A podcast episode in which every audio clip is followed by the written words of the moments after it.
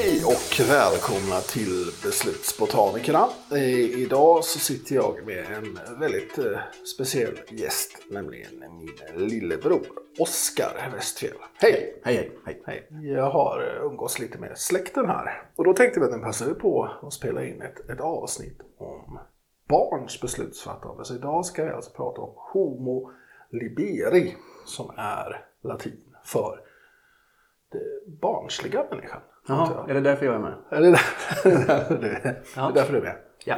Nej, du är nog med för att du, du har varit barn. Mm. Mycket unik feature. Ja. Och sen har du åtminstone ett barn. Ja. Åtminstone ett barn. Ja. ja. Som jag känner till. ja som jag känner till också. Ali som har skärmat eh, skiten ur mig. Ja. Ja. Yes. Så. Så, så ska vi göra. Så vi ska försöka prata lite om det.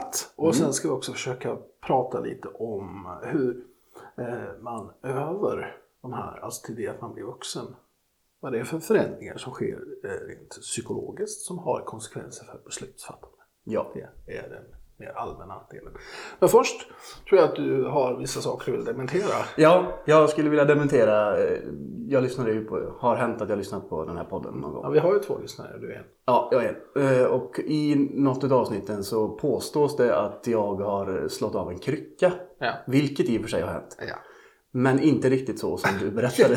Dålig dementi. Ja, det var faktiskt kanske Sveriges sämsta dementi. Men jag skulle ändå vilja påstå att det var inte riktigt, jag skulle bara rätta till den. Ja. Det var det som hände. var Och det. far har pratat med mig efteråt. Minst vid två tillfällen. Okej, ja. okej, ja, vad skönt. Då vi det, det avklarat. Ja, det var det klart. Ja. Ja, jag hävdar fortfarande att det gick till på exakt det sättet som jag. Ja, jag kanske inte sa så mycket annorlunda där. Så det, ja, nej, nej, Ja, men bra. det Skönt. Tack, tack Ja. för att du förklarade det här tidigare. Ja. Ja, men det, Oskar, nu börjar vi då. Hur är det att ha barn nu då? Är- hur gammal är hon nu? Hon fyller två i augusti. Hon fyller 2 augusti. Ja. Eh, Så att, jo men det är ju helt fantastiskt. Man, ja, det är magiskt att bli förälder. Mm. Ehm, Skitjobbigt också. Ja, det är ju kanske det jobbigaste jag varit med om. Ja. Eh, det går ju inte att beskriva heller hur eh, konstigt och svårt det är att vara förälder. Nej, det är helt absurt Ja. svårt faktiskt. Men en rolig sak som man, om man, är att man får observera en människa formas så här. Mm. Nu har inte jag träffat Ali jättemånga gånger, men jag Nej. har ju sett henne ett par gånger och, och man märker väldigt stor skillnad Ja. eh, mellan gångerna man ses. Men du har ju en daglig observation av henne. Ja, Vad, vad, om du skulle så här, bara beskriva Ali och vad hon, vad hon är för person, liksom, hur hon har utvecklats från att komma ut och vara ett litet slags eh, okommunicerbart Mm. eh, stycke till det hon är idag. ja. Eh, jag skulle väl beskriva henne som ja, först och främst oerhört charmig, eh, nyfiken, eh, väldigt bestämd i, i allting som hon gör. Och det har ju gått... Alltså man har ju sett en väldigt snabb utveckling. Mm. Från det att hon, som du sa, från början så var det mest bara Jaha, var det inte roligare än så här? Nej, precis. Hon Ska så... skrika och så ska man byta lite bajs. Ja, och nu är det ju, nu har hon ju liksom en liten personlighet. Ja, nej, igår, igår så var det så himla härligt när hon stod och dansade sin lilla drakdans med, med Ja. stora pappa och sådär. Och, och liksom verkligen Ja, hon är ju väldigt musikalisk. Ja. Tror jag. väldigt musikalisk. Det är inte du. Så Nej, det är inte jag. så jag vet inte riktigt var det kommer ifrån. Men eller ja, det kommer från dig då. Eh, Som Erika, din sambo, sa. Jag har hoppat över en generation. Ja, det är... Men nu vill jag understryka för våra lyssnare att det- det är samma generation jag och min bror. Ja. Det skiljer sex år. Mm, Fast jag är yngre då. Ja, jo, jo. Fast det är fortfarande samma generation. Ja, fast jag är yngre. Ja, ja. Du är fortfarande yngre. Yes, Men du blir snart 40 ändå. Så att... det blir jag.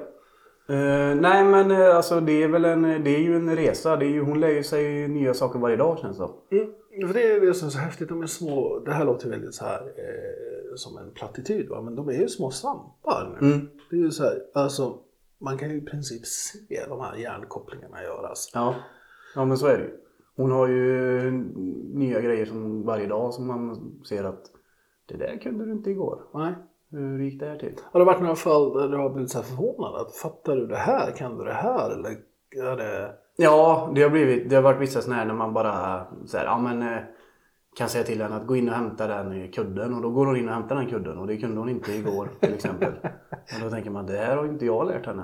Så att eh, Hur gick det till? Men hur tänker du då? Varför säger du det till henne om du tror hon kan? Nej, det för slags... eh, Ja, lite sadistiskt drag.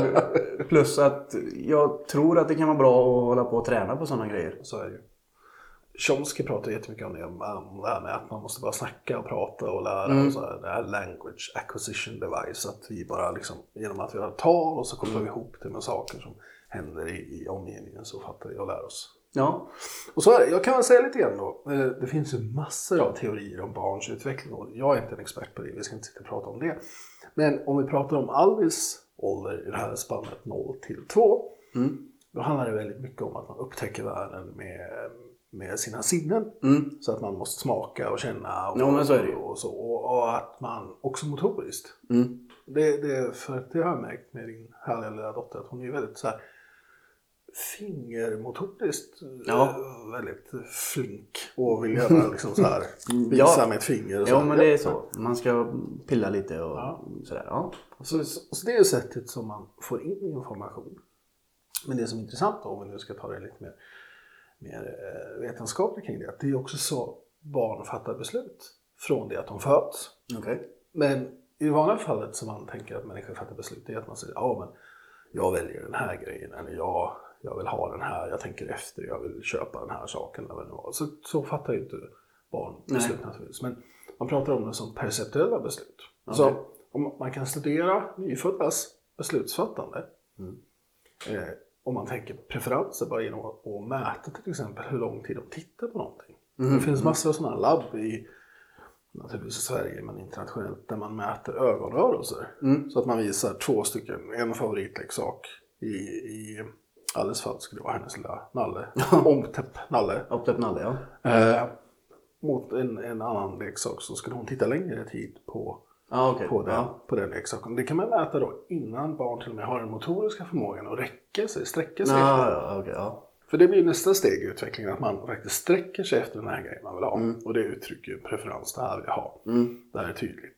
Och det, det tycker jag Ali är jätteduktig på. Hon så här visar, så här, den, där, här, här, jaha, den här vill jag ha. Ja, ja men det gör hon ju. Det är ju väldigt tydligt. eh, Ja, hon är ju som sagt var väldigt tydlig och så är det ju den här ska jag ha. Och sen vad det är som gör att till exempel just den nallen har fastnat, det vet jag inte. Nej, men det kan ju vara många saker. Det är, det är ju sån här, den starkaste formen av inlärning är ju beting. Ja, säkert bara Ja, hon fick ju den tidigt. ja, Så det är väl kanske det. funnits med. Men sen finns det andra saker som gör att man kan vilja upptäcka. Det kan ju vara något, något nytt sådär. Mm. Och så. Men, men och all, inte alltid, ibland så kan man vara rädd för det också. Mm. Det är ju den här basala approach avoidance att nytt, spännande, men det finns en risk kopplat med det. Ja. Så vi hade med en present här, en, en, eh, en eh, uppstoppad varmkorv som skriker hot dog. Ja. Den har inte lekt speciellt mycket med. Det har Jag den till och med lägga den i en liten låda för den var ganska äcklig. ja, den var, den var riktigt äcklig kan man säga. Den var, nej men den var ju, den var ju konstig. ja, Den var svår. det, är, det är ett bra exempel. Men den kan komma tillbaka och bli roligare sen. Ja men så var det ju. Du har ju någon konstig fetisch för att ge sådana här grejer. För att eftersom du gav en banan som eh, säger banana. Ja. Den var ju också ganska läskig i början. Ja, Men nu är den ganska rolig. ja ganska roligt. Ja. ja, intressant. Med, med sättet som de faktiskt uh, uttrycker sina preferenser på. Men finns det, för teorin är i alla fall att eh, det, det sker ju väldigt mycket från mellan 0 och 1 också. Det finns teorier om att från det att man är ungefär ett år så börjar man faktiskt göra lite mer medvetna val. Mm.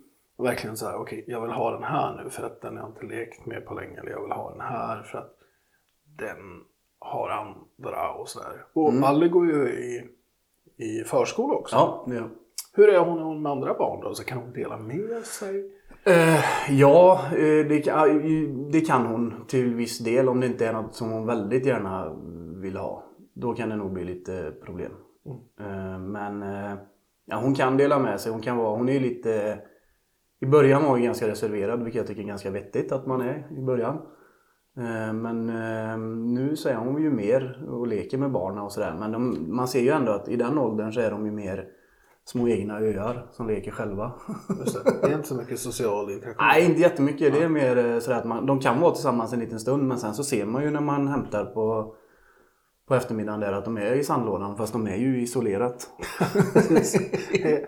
Tio öar av barn. Ja, Så- lite så. Och så kanske de någon leker lite med varandra sådär men inte så mycket. Men hur, hur, den här förskolan, hur gamla är barnen där? Som i Alice klass? Eh, De är ju, första är ju från ja, 0 då till 3. Ja, just det. Eh, och sen så, men sen kan man ju byta man ju grupp fast det är ändå på samma ställe. Ja.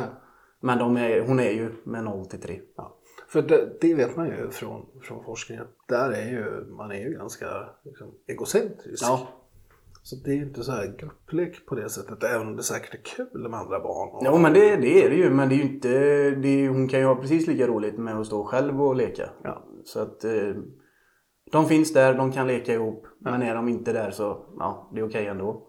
Jag tror aldrig jag kom ur den egocentriska fasen riktigt. Nej men det har ju inte jag gjort heller. Det är ju därför jag har bosatt mig mitt ute på landet. Precis, jag bara vill inte umgås med någon och bara göra dina grejer. ja, Ja. så är det ju. Så nej, jag har inte kommit ur det alls. Nej. Ja, Nej. För om man tittar på, på, på, på de här utvecklingsfaserna som inte du har kommit ur den här första. Jag hoppas att alla gör det då. Ja, vi får se. Men hon har ju också börjat prata lite grann. Mm. Eh, och, och hon har en otroligt bra ordförståelse och sådär. Eh, en idé som man har här med, med om man tar sådana gamla, gamla psykologiska teorier som Piaget och sånt där. Så finns det någonting som heter eh, pre-operational-fasen. När, när det kommer, alltså det, operation handlar om att man utför. Mm, ja. Eh, och då är tal mycket, det är någon slags för, för, försteg kan man säga till eh, de här handlingarna. Eh, och det som är intressant då är att man har sett att tal verkar vara väldigt förknippat just med det här att man blir väldigt fokuserad på här och nu. Mm. Först och främst. Och att man är väldigt, väldigt egocentrisk. Att det är en naturlig, en naturlig utveckling på något sätt. Ja. Och sen då i och med att hjärnan utvecklas och, och, och så vidare så kan man börja förstå att det finns inte bara här och nu. Och det finns inte bara jag utan det finns andra. Men Ja. det sker just mycket senare. Det är kanske vid fem år Ja. Mm. eller sådär. Som, som de här kommer. Så observationen är inte konstig alls. Det är Nej. snarare normalt. Nej men det är nog så. Det är ju först nu egentligen som man, tycker jag, man kan märka att innan har de ju haft ett koncept om mamma och pappa. Ja. Men det är ju nu börjar man ju få någon form av uppfattning om sig själv också. Ja. Eh, som är sådär att, eh, ja just det, jag finns ju också. Jag är inte en del utav de två. Utan är en egen sak. ja, som- en liten egen sak så. För i, i, början var det väldigt tydligt för då trodde hon nog mer eller mindre att hon och eh, Erika var samma person. Så. Men nej, ja, det, det märks ju väldigt tydligt. Och det som du sen med, Hon kan ju vara väldigt tydlig också att hon vill ha en viss leksak. Hon kan ju gå igenom hela sin leksakslåda. Och så ner till en specifik. Som man letar efter. Ja, Ja, och det är också, Flytta det, undan allting det finns en plan. ja det finns en plan. Att Så den här ska så här, oh, har, har du också problem med det? Så här, för att när barn är riktigt små då kan man distrahera dem med vad som helst. Åh, kolla här är jätteroligt. Ja, nej, det går inte längre. Nej, Det finns inte en chans. det är jättejobbigt som Ja. förälder. Det är Ja, det- bra för att du ska vara det. Jo, det är klart att det är bra, men det är ju svårt när jag inte vet vad hon letar efter. Och hon, hon kommer ju, om jag sitter i soffan så kommer hon ju hämta mig och så ska jag vi ju kolla i den här lådan då, för hon hittar ju inte det och jag vet ju inte vad det är vi letar efter. Nej. Du fattar ju ingenting. Nej, och det- Sämst. Jag är sämst, så det kan ju bli viss frustration det från båda håll. Det kan jag tänka mig. Det kan jag verkligen tänka mig. Ja. Eh, Men hur gör hon när hon uttrycker frustration då? Om inte du fattar. Nej, men det, hon har ju vissa speciella sätt på det tänkte jag säga. Men dels kan hon ställa sig och stampa i golvet. Och bli riktigt förbannad. Ja. Sen muttrar hon ju en hel del. Det märks. Hon går Sur lite som han i att angöra en brygga. Ja, exakt så. Exakt. Som man inte hör någon gång. Nej. Men man förstår. Ja. Ändå. Känsloläget är inte helt. Nej, det är inte helt okej. Eh, och sen blir hon riktigt förbannad. Då börjar hon gråta. Ja. Just. Eh, hon försöker ju förklara men eh, hon får inte fram vad det är hon vill ha sagt. Men tänk själv nu. Ja, ja, det hade ju varit jättehemskt. det är den här jag vill ha. Jag fattar inte. Jag vill bara ha den här grejen. Kan du inte bara hämta den? jag vet ju att du vet vart den är. Du vägrar. Nej, så det, det är ju... Ja, nej men hon, hon är ju tydlig med det. Ja, Dela med sig. Liksom. Nalle? Jo. Ja, men här, ta- ta gillar dig. Ja, det är okej. barn- Eh, ja, men det, det är ju för att hon... Eh, gillar... Alltså hon, det vet vi ju en annan gång när ni var och hälsade på. Då blev hon ju klart förvirrad för vi är ju ganska lika. Ja, det kan vara. Eh, så att då var det ju konstigt. Men den här gången så, så märkte man ju av att hon, hon kände av er. Det tog ju inte lång tid. Nej. Och så sen så bara, ah, nej men jag tycker om dig. Då kan du få ha min nalle. Eh, så ja, hon är jättebra på att dela. Så, om det inte kommer till godis. Nej, nej. Något man verkligen vill ha. Så är det.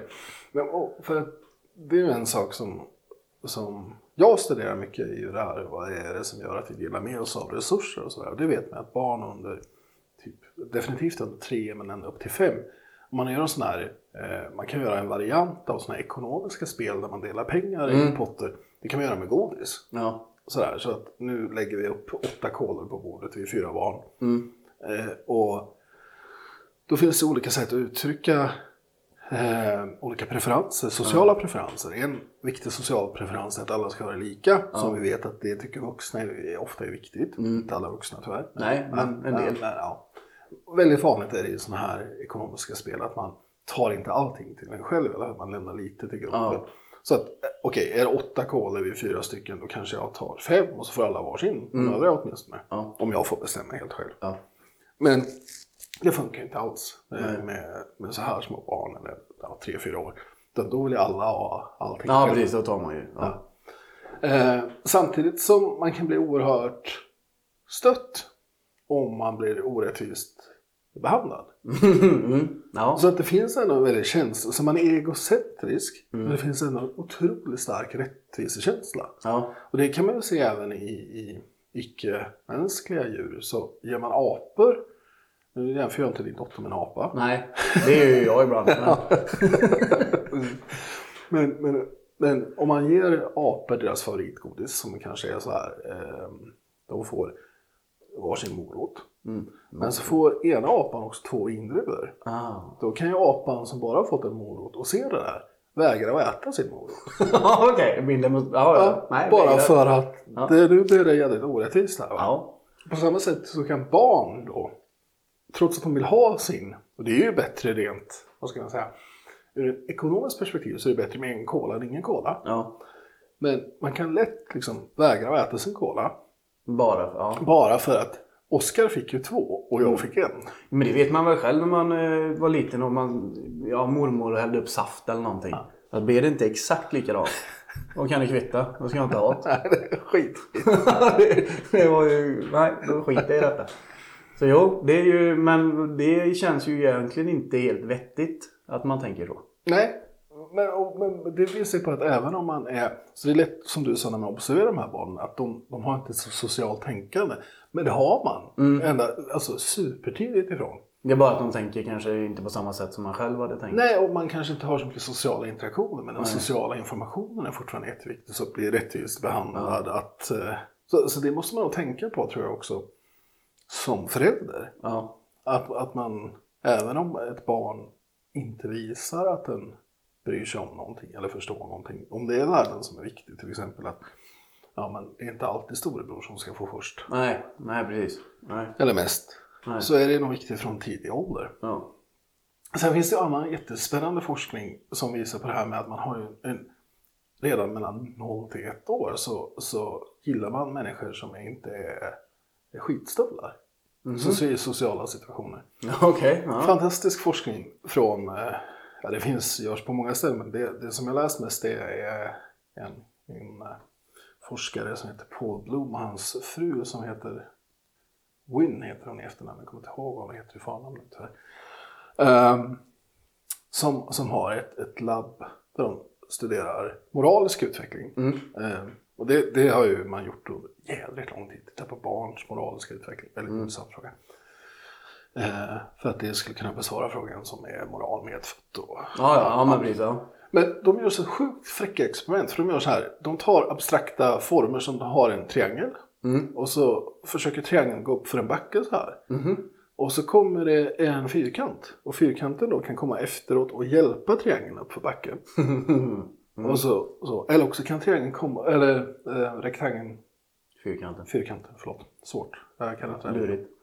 Kan inte det här med geografi. Nej. så kan han komma uppifrån och putta ner. Ja, det var, det var inte en snäll... Ja, Nej. mm. Och så kan man bara, då sitter barn och tittar på det här först. Och så sen så visar man de här två formerna för dem. Och de är så här, dels de som kan sträcka sig så sträcker de sig i mycket större utsträckning efter den snälla formen. ja. Och de tittar mycket längre på den snälla formen. Så det verkar finnas sjukt tidigt någon slags sån här känsla av att okej, här, här är det en person som bara är, hjälp, kommer att förstöra för mig. Eller som kommer hjälpa. Men det är spontant, utan att ha någon som helst aning i det, så känns ju det som en överlevnadsinstinkt Ja. eh, någonstans också. Att man, okej, här har jag chans, den här kan hjälpa. Den här fyrkanten här borta kommer putta ner mig. Nej, men då går jag till den. Eller ja, det, är så, det känns ju vettigt ändå. Ja men det är ju häftigt ändå. Ja, det känns väldigt vettigt. Och det är klart att för människor har alltid behövt formera sig i grupper. Så grupper är jätteviktigt och samarbete är jätteviktigt. Och någon gång så kommer jag inte vara på topp. Nej. Och då behöver jag hjälp liksom komma upp för kullen. Mm. Eh, men, men det verkar vara väldigt, väldigt grundläggande hos Ja. människor. ja, det är det ju uppenbart då. Jag tycker det är superhäftigt. Liksom, att, att man har en sån eh, skitstöveldetektor. Ja, det är faktiskt, ja. Nej, det, är, ja, det var riktigt coolt. Det är, ju- och det är bra att det gör sånt också för att då, det kan ju kanske ta bort diskussionen lite om det här med var moralen kommer ifrån. Ja. Och att man måste följa vissa gamla böcker här i världen för att Ja, ha ja, moral och just det. De sånt. här gamla böckerna. de ska vi akta oss väldigt mycket för. Ja. Det är för övrigt, jag läste en jättebra studie som, som visar, vi håller på mycket med det här som kallas för bullshit detection. Då har vi tagit sådana här eh, profounda statements som eh, Deepak Chopra säger så, och så mot riktiga semantiskt meningsfulla eh, meningar och så ser vi att människor, det kopplar till bland annat med religiositet. Eh, men, men jag läste en jättespännande artikel som var så här, man bara visar sådana här helt slumpmässiga mönster så är det större sannolikhet att man ser mening i sådana här slumpmässiga mönster om man är religiös. Okej. Och då finns det en teori som, som helt enkelt är att religion har uppkommit på grund av den anledningen. Att vi försöker söka mening i meningslösa mönster. Så, så är det liksom, okej nu kommer den här eh, nu kommer den här duvan och så landar den på en gris. Så här, betyder det att jag ska döda muslimer? Ja. Eller judar? ja, precis. Ja, men det är klart att det, det, ja, det, det är ju exakt så det måste ha varit. Att man eh, såg att nu ramlar den grenen av där borta samtidigt som det kommer en hare och skutta. Ja. Det är Gud, det är Gud som pratar om. Nej men det är klart att det är så. Folk har väl sökt en, försöka förstå vad vi gör här så länge man kan tänka. Ja, men absolut. Och, och då är det intressant att, eh, vi kan lägga lika stor vikt, eller större vikt, vid, vid meningslös, eller meningsskapande och meningslösa samband än vid faktiskt riktiga relevanta saker som att faktiskt eh, hålla koll på vem det är som är en riktig Ja, bullshit-person. ja precis. Det, det, det är ju faktiskt viktigare i så sätt att hålla koll på den här elaka fyrkanten då. Ja, den elaka fyrkanten. Ja, ja. Nej. Ja, eh, och i din värld så är den elaka fyrkanten eh, naturligtvis inte en vänstermänniska. Utan... Nej, nej, det tror jag inte. Det är helt omöjligt. Nej, men för det, har vi pratat om, nu vet jag att vi fläckar vi ska prata om barn, men Ja. för du är också politiskt engagerad ju. Det är jag. Ja. Jag är politiskt engagerad i ett parti som står till vänster. Som står till vänster. Ja. Men du ser ut som du är med i alltså, ett, ett högerorienterat Ja, det är jag. team.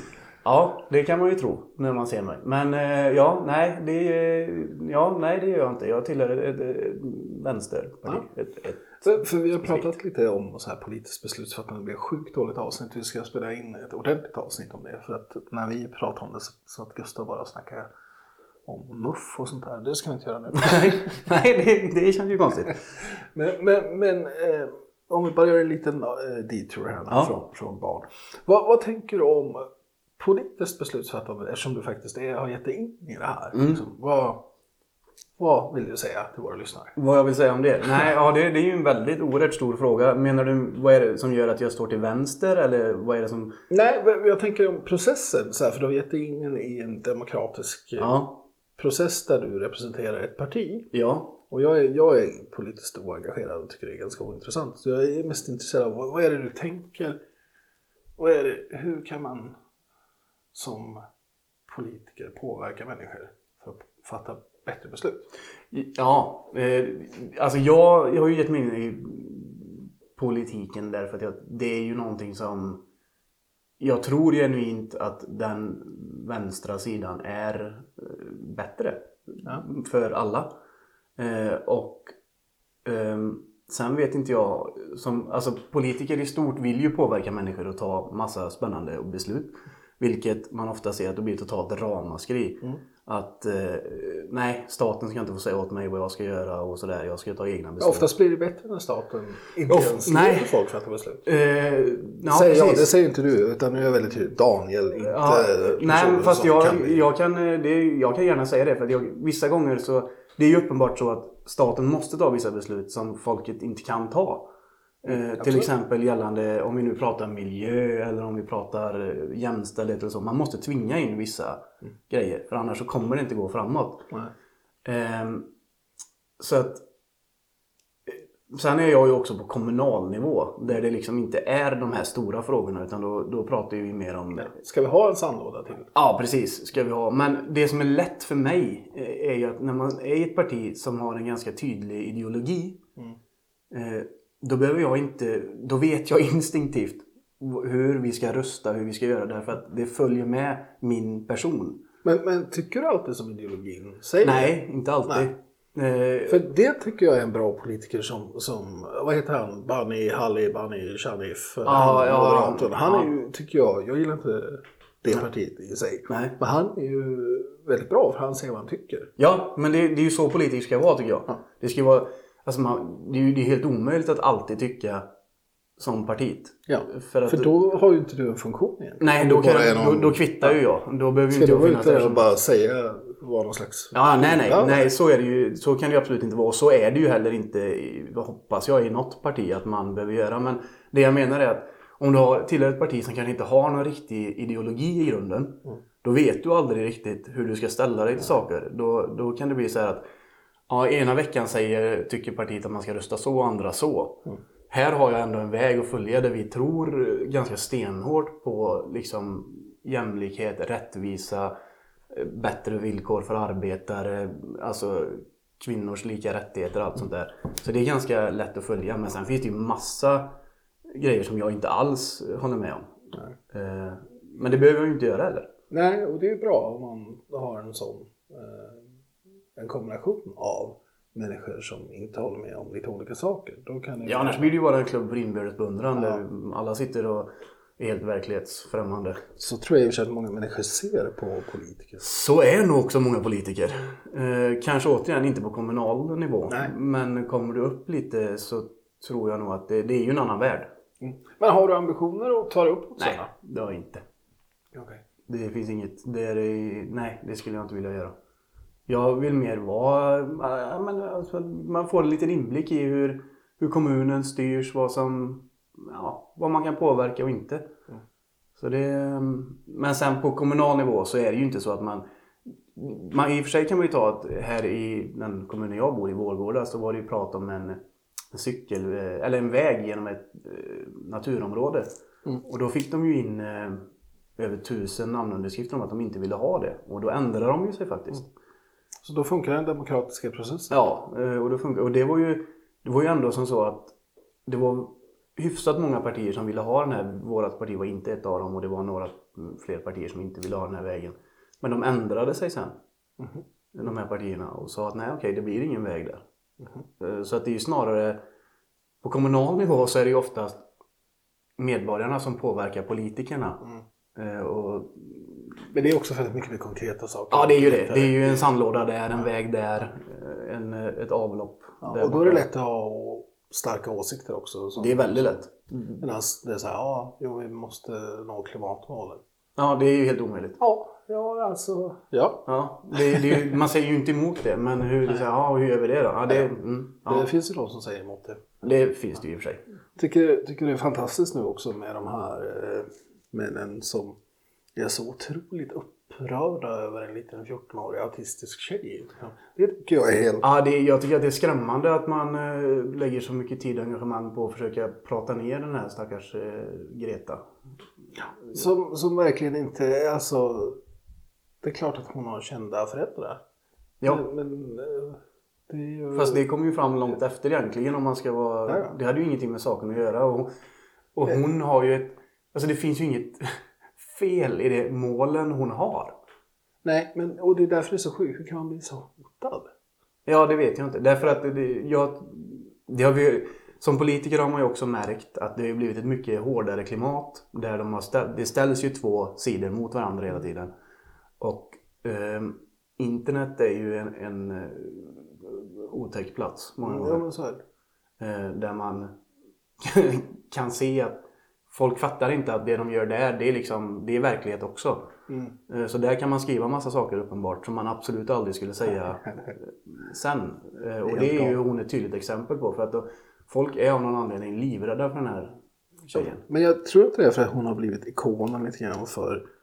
eh, Jag läste en jättebra artikel i någon tysk, om det var Spiegel eller vad det kan ha varit.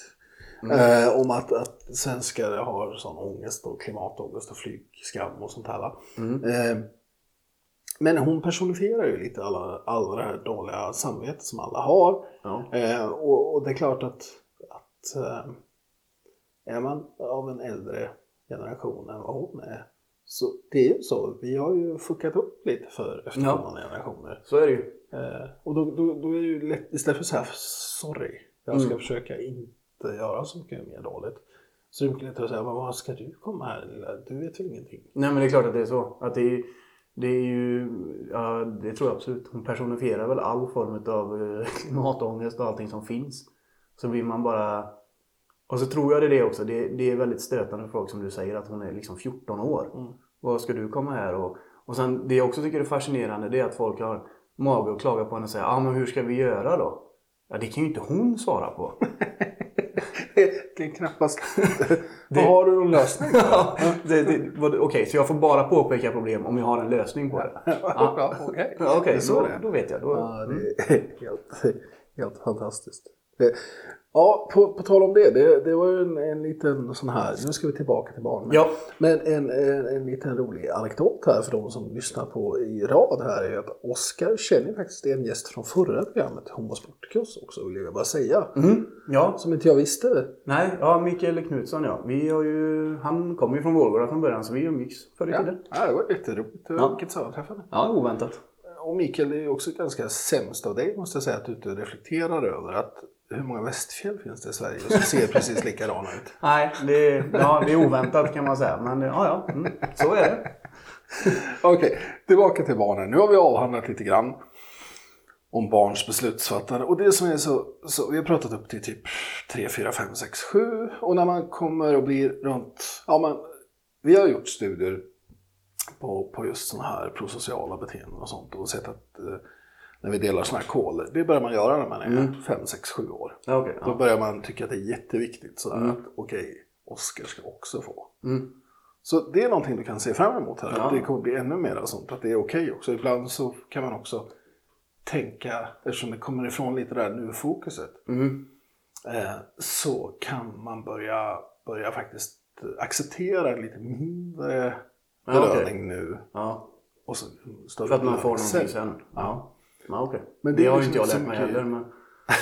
Nej, ja, det har jag aldrig. Jag, det, är alltså, det här är teoretiskt. Ja, okej. Ja, ja, men då förstår jag. Det, ja, vi förstår inte det här. Men, men man tänker sig så. Men, men eh, en annan sak som händer när man kommer när man, typ i skolan, när man börjar. Det är ju, förutom att man påverkas väldigt mycket av, av en social situation. Det är ju att man börjar få det här som kallas för metakognition. Man börjar tänka kring sitt eget tänkande. Ja. Ja. Eh, och hur man... Det är därför det kan... Det är inte ovanligt när man studerar, om man skulle sätta barn i, i första andra klass, att bara fatta beslut i en typ av experiment. Så här, att du kan vinna så här mycket, du kan vinna så här mycket. Det kan ta hur lång tid som helst. Därför att de har otroligt mycket metareflekterande. Ja, en del, inte alla barn. Ja, nej, ja. Ja, verkligen tänker vad är det här? Vad är fördelen? Vad är nackdelen? Vad är... Och, så. Och det är samma sak där, att det finns jättestora individuella skillnader. Vi har pratat tidigare om det här marshmallow-experimentet, att kan man vänta på en belöning Ja. så, så kan det predicera framtida positiva utfall. Eh, Men jag tänkte faktiskt, har du någonting mer du vill säga nu? Om, eh, om Alice beslutsfattande och vad du tror kommer hända fram näst, nästa gång vi kör en podd? Uh, ja, det vet jag inte. Alltså eftersom detta är vad jag återigen vet mitt första barn ja. uh, så är ju detta en... en... Uh, annars kan ni gärna skriva in till beslutsportalen.gmail.com om ni vill göra någon sån här DNA-test på, på min bror. Ja, det är generellt DNA-test så gör det. nej men nej, alltså jag, jag vet ju faktiskt inte så mycket vad som kommer hända och inte utan det här är ju mer någonting som jag och hon lär oss ihop. Känner jag. vilket är ganska fräckt. Det är ganska fräckt. Det är sån här delaktigt beslutsfattande. Ja, ja men det är så att nej, jag, jag bara hänger med så ser vi vad som händer. Okej, okay. men jag vill bara avsluta idag för jag hade tänkt att vi skulle kunna prata om Homo Juventus, inte alltså något slags fotbollslag. Nej, jag tänkte utan, det. Men... Utan det, det, det, Juventus är eh, latin för ungdom. okay. Man skulle ja. kunna prata om ungdomars beslutsfattande men jag tycker vi har pratat i 37 minuter redan. Jaha. Så vi ska inte göra det. Nej. Utan jag skulle vilja avsluta med att du reflekterar lite kring hur är det att fatta beslut som förälder? Hur har du förändrats som person när du fick barn? För jag upplevde väldigt starkt att mitt liv ändrades jättemycket men också de beslut jag fattar. Ja, det har ju förändrats enormt mycket. Eh, förut så kunde ju besluten. Man kunde ju ta vilket beslut, alltså egoistiska beslut vad som helst. Man kunde göra så här att eh, jag gillar ju att till exempel eh, skjuta lerduvor. Då är du full? Nu är jag full. Mm. Och då kunde jag ju tänka det att nej men eh, nu, kan jag, nu är det fredag eftermiddag, nu kan vi åka och skjuta lerduvor. Det, sådana beslut tar jag ju inte längre. Nej, det, nu är det en tre månaders process där du måste planera ja, in det. Nu är det ju liksom att nu kanske man kan boka in och det kan lika gärna skita sig efter den, när den dagen kommer. För att alla är sjuk eller att det är en så fin dag så då vill jag vara ute med henne istället. Så att det, mina beslut är ju helt baserade på henne. Mm. Jag upplevde väldigt starkt att, att jag, jag pratade med Gustav förut, att, att jag tycker att jag spänn, jag visste inte vad jag gjorde med min tid mm. när, jag var, när jag var ung. Men det är ju verkligen sant när man får barn. För mm. då bestäms ju inte din tid av dig själv överhuvudtaget längre. Nej. Så jag upplevde att jag blev så sjukt effektiv när jag ja. fick barn.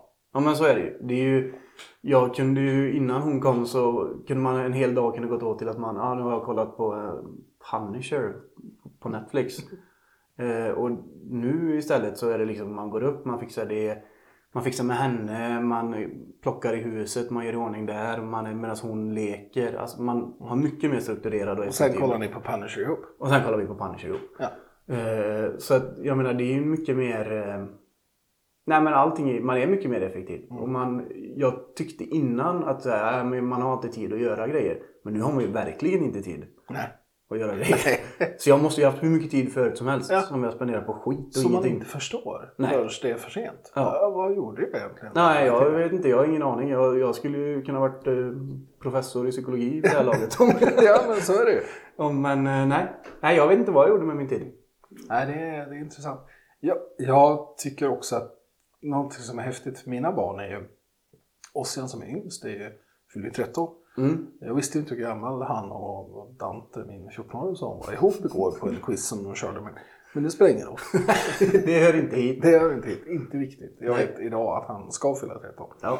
Eh, men då är, det ju, då är man ju tillbaka lite för att de är så självgående nu. Ja, ja men det ser man ju nu, nu när jag har träffat dem att det är ju Alltså de löser ju allting. Ja det är klart. Och det innebär också att mitt liv har ju blivit helt annorlunda. Ja, ja det är klart. Det, och det har ju gått ganska fort upplever jag ändå. Från, från, alltså när man är 11 år, det är en väldigt stor skillnad till när man är 13 år. Mm. Det kan jag tänka mig ja. Så det är också någonting. Nu är det några år kvar tills det, det är ju Ja, det är ju det. Men det är ju också någonting som man märker om man ska prata om år och sådär. eh, hon fyller två år i augusti och det har ju gått hur snabbt som helst. Mm. Samtidigt som jag tycker att hon har funnits alltid. Mm. Det går inte ihop. Nej, så det går inte ihop alls. Men det är ju så det är. Mm. Ja, det är jättebra. Något annat du funderar på kring hur ditt beslutsfattande har? Nej, alltså det är ju det är en sån fundamental skillnad. Man är en helt annorlunda person. Det går ja. inte ens att beskriva hur man var innan och hur man är efter. Nej, det håller jag med om. Mycket bra observation. Skulle aldrig någonsin kunnat tro så att jag blev den jag blev. Men jag är absolut inte missnöjd. Nej, nej absolut inte. Det är jag, är mycket, jag är ju mycket mer nöjd med mig själv. Ja, precis. Jag har bidragit. Jag har fixat barn till världen. Ja, precis. Ja, men vad bra. Tack Oskar. Det, Ja, tack det, här tycker jag var kul. Ja. Eh, Jag vill också att eh, alla lyssnare här nu går in och eh, kommenterar vad dumheter Oskar har sagt och vad ni har för egna idéer om barns beslutsfattande. Vi ska tacka Gustav Tinghög som inte var med idag. Ja, det tycker jag var bra att han inte var. Ja, det var fint.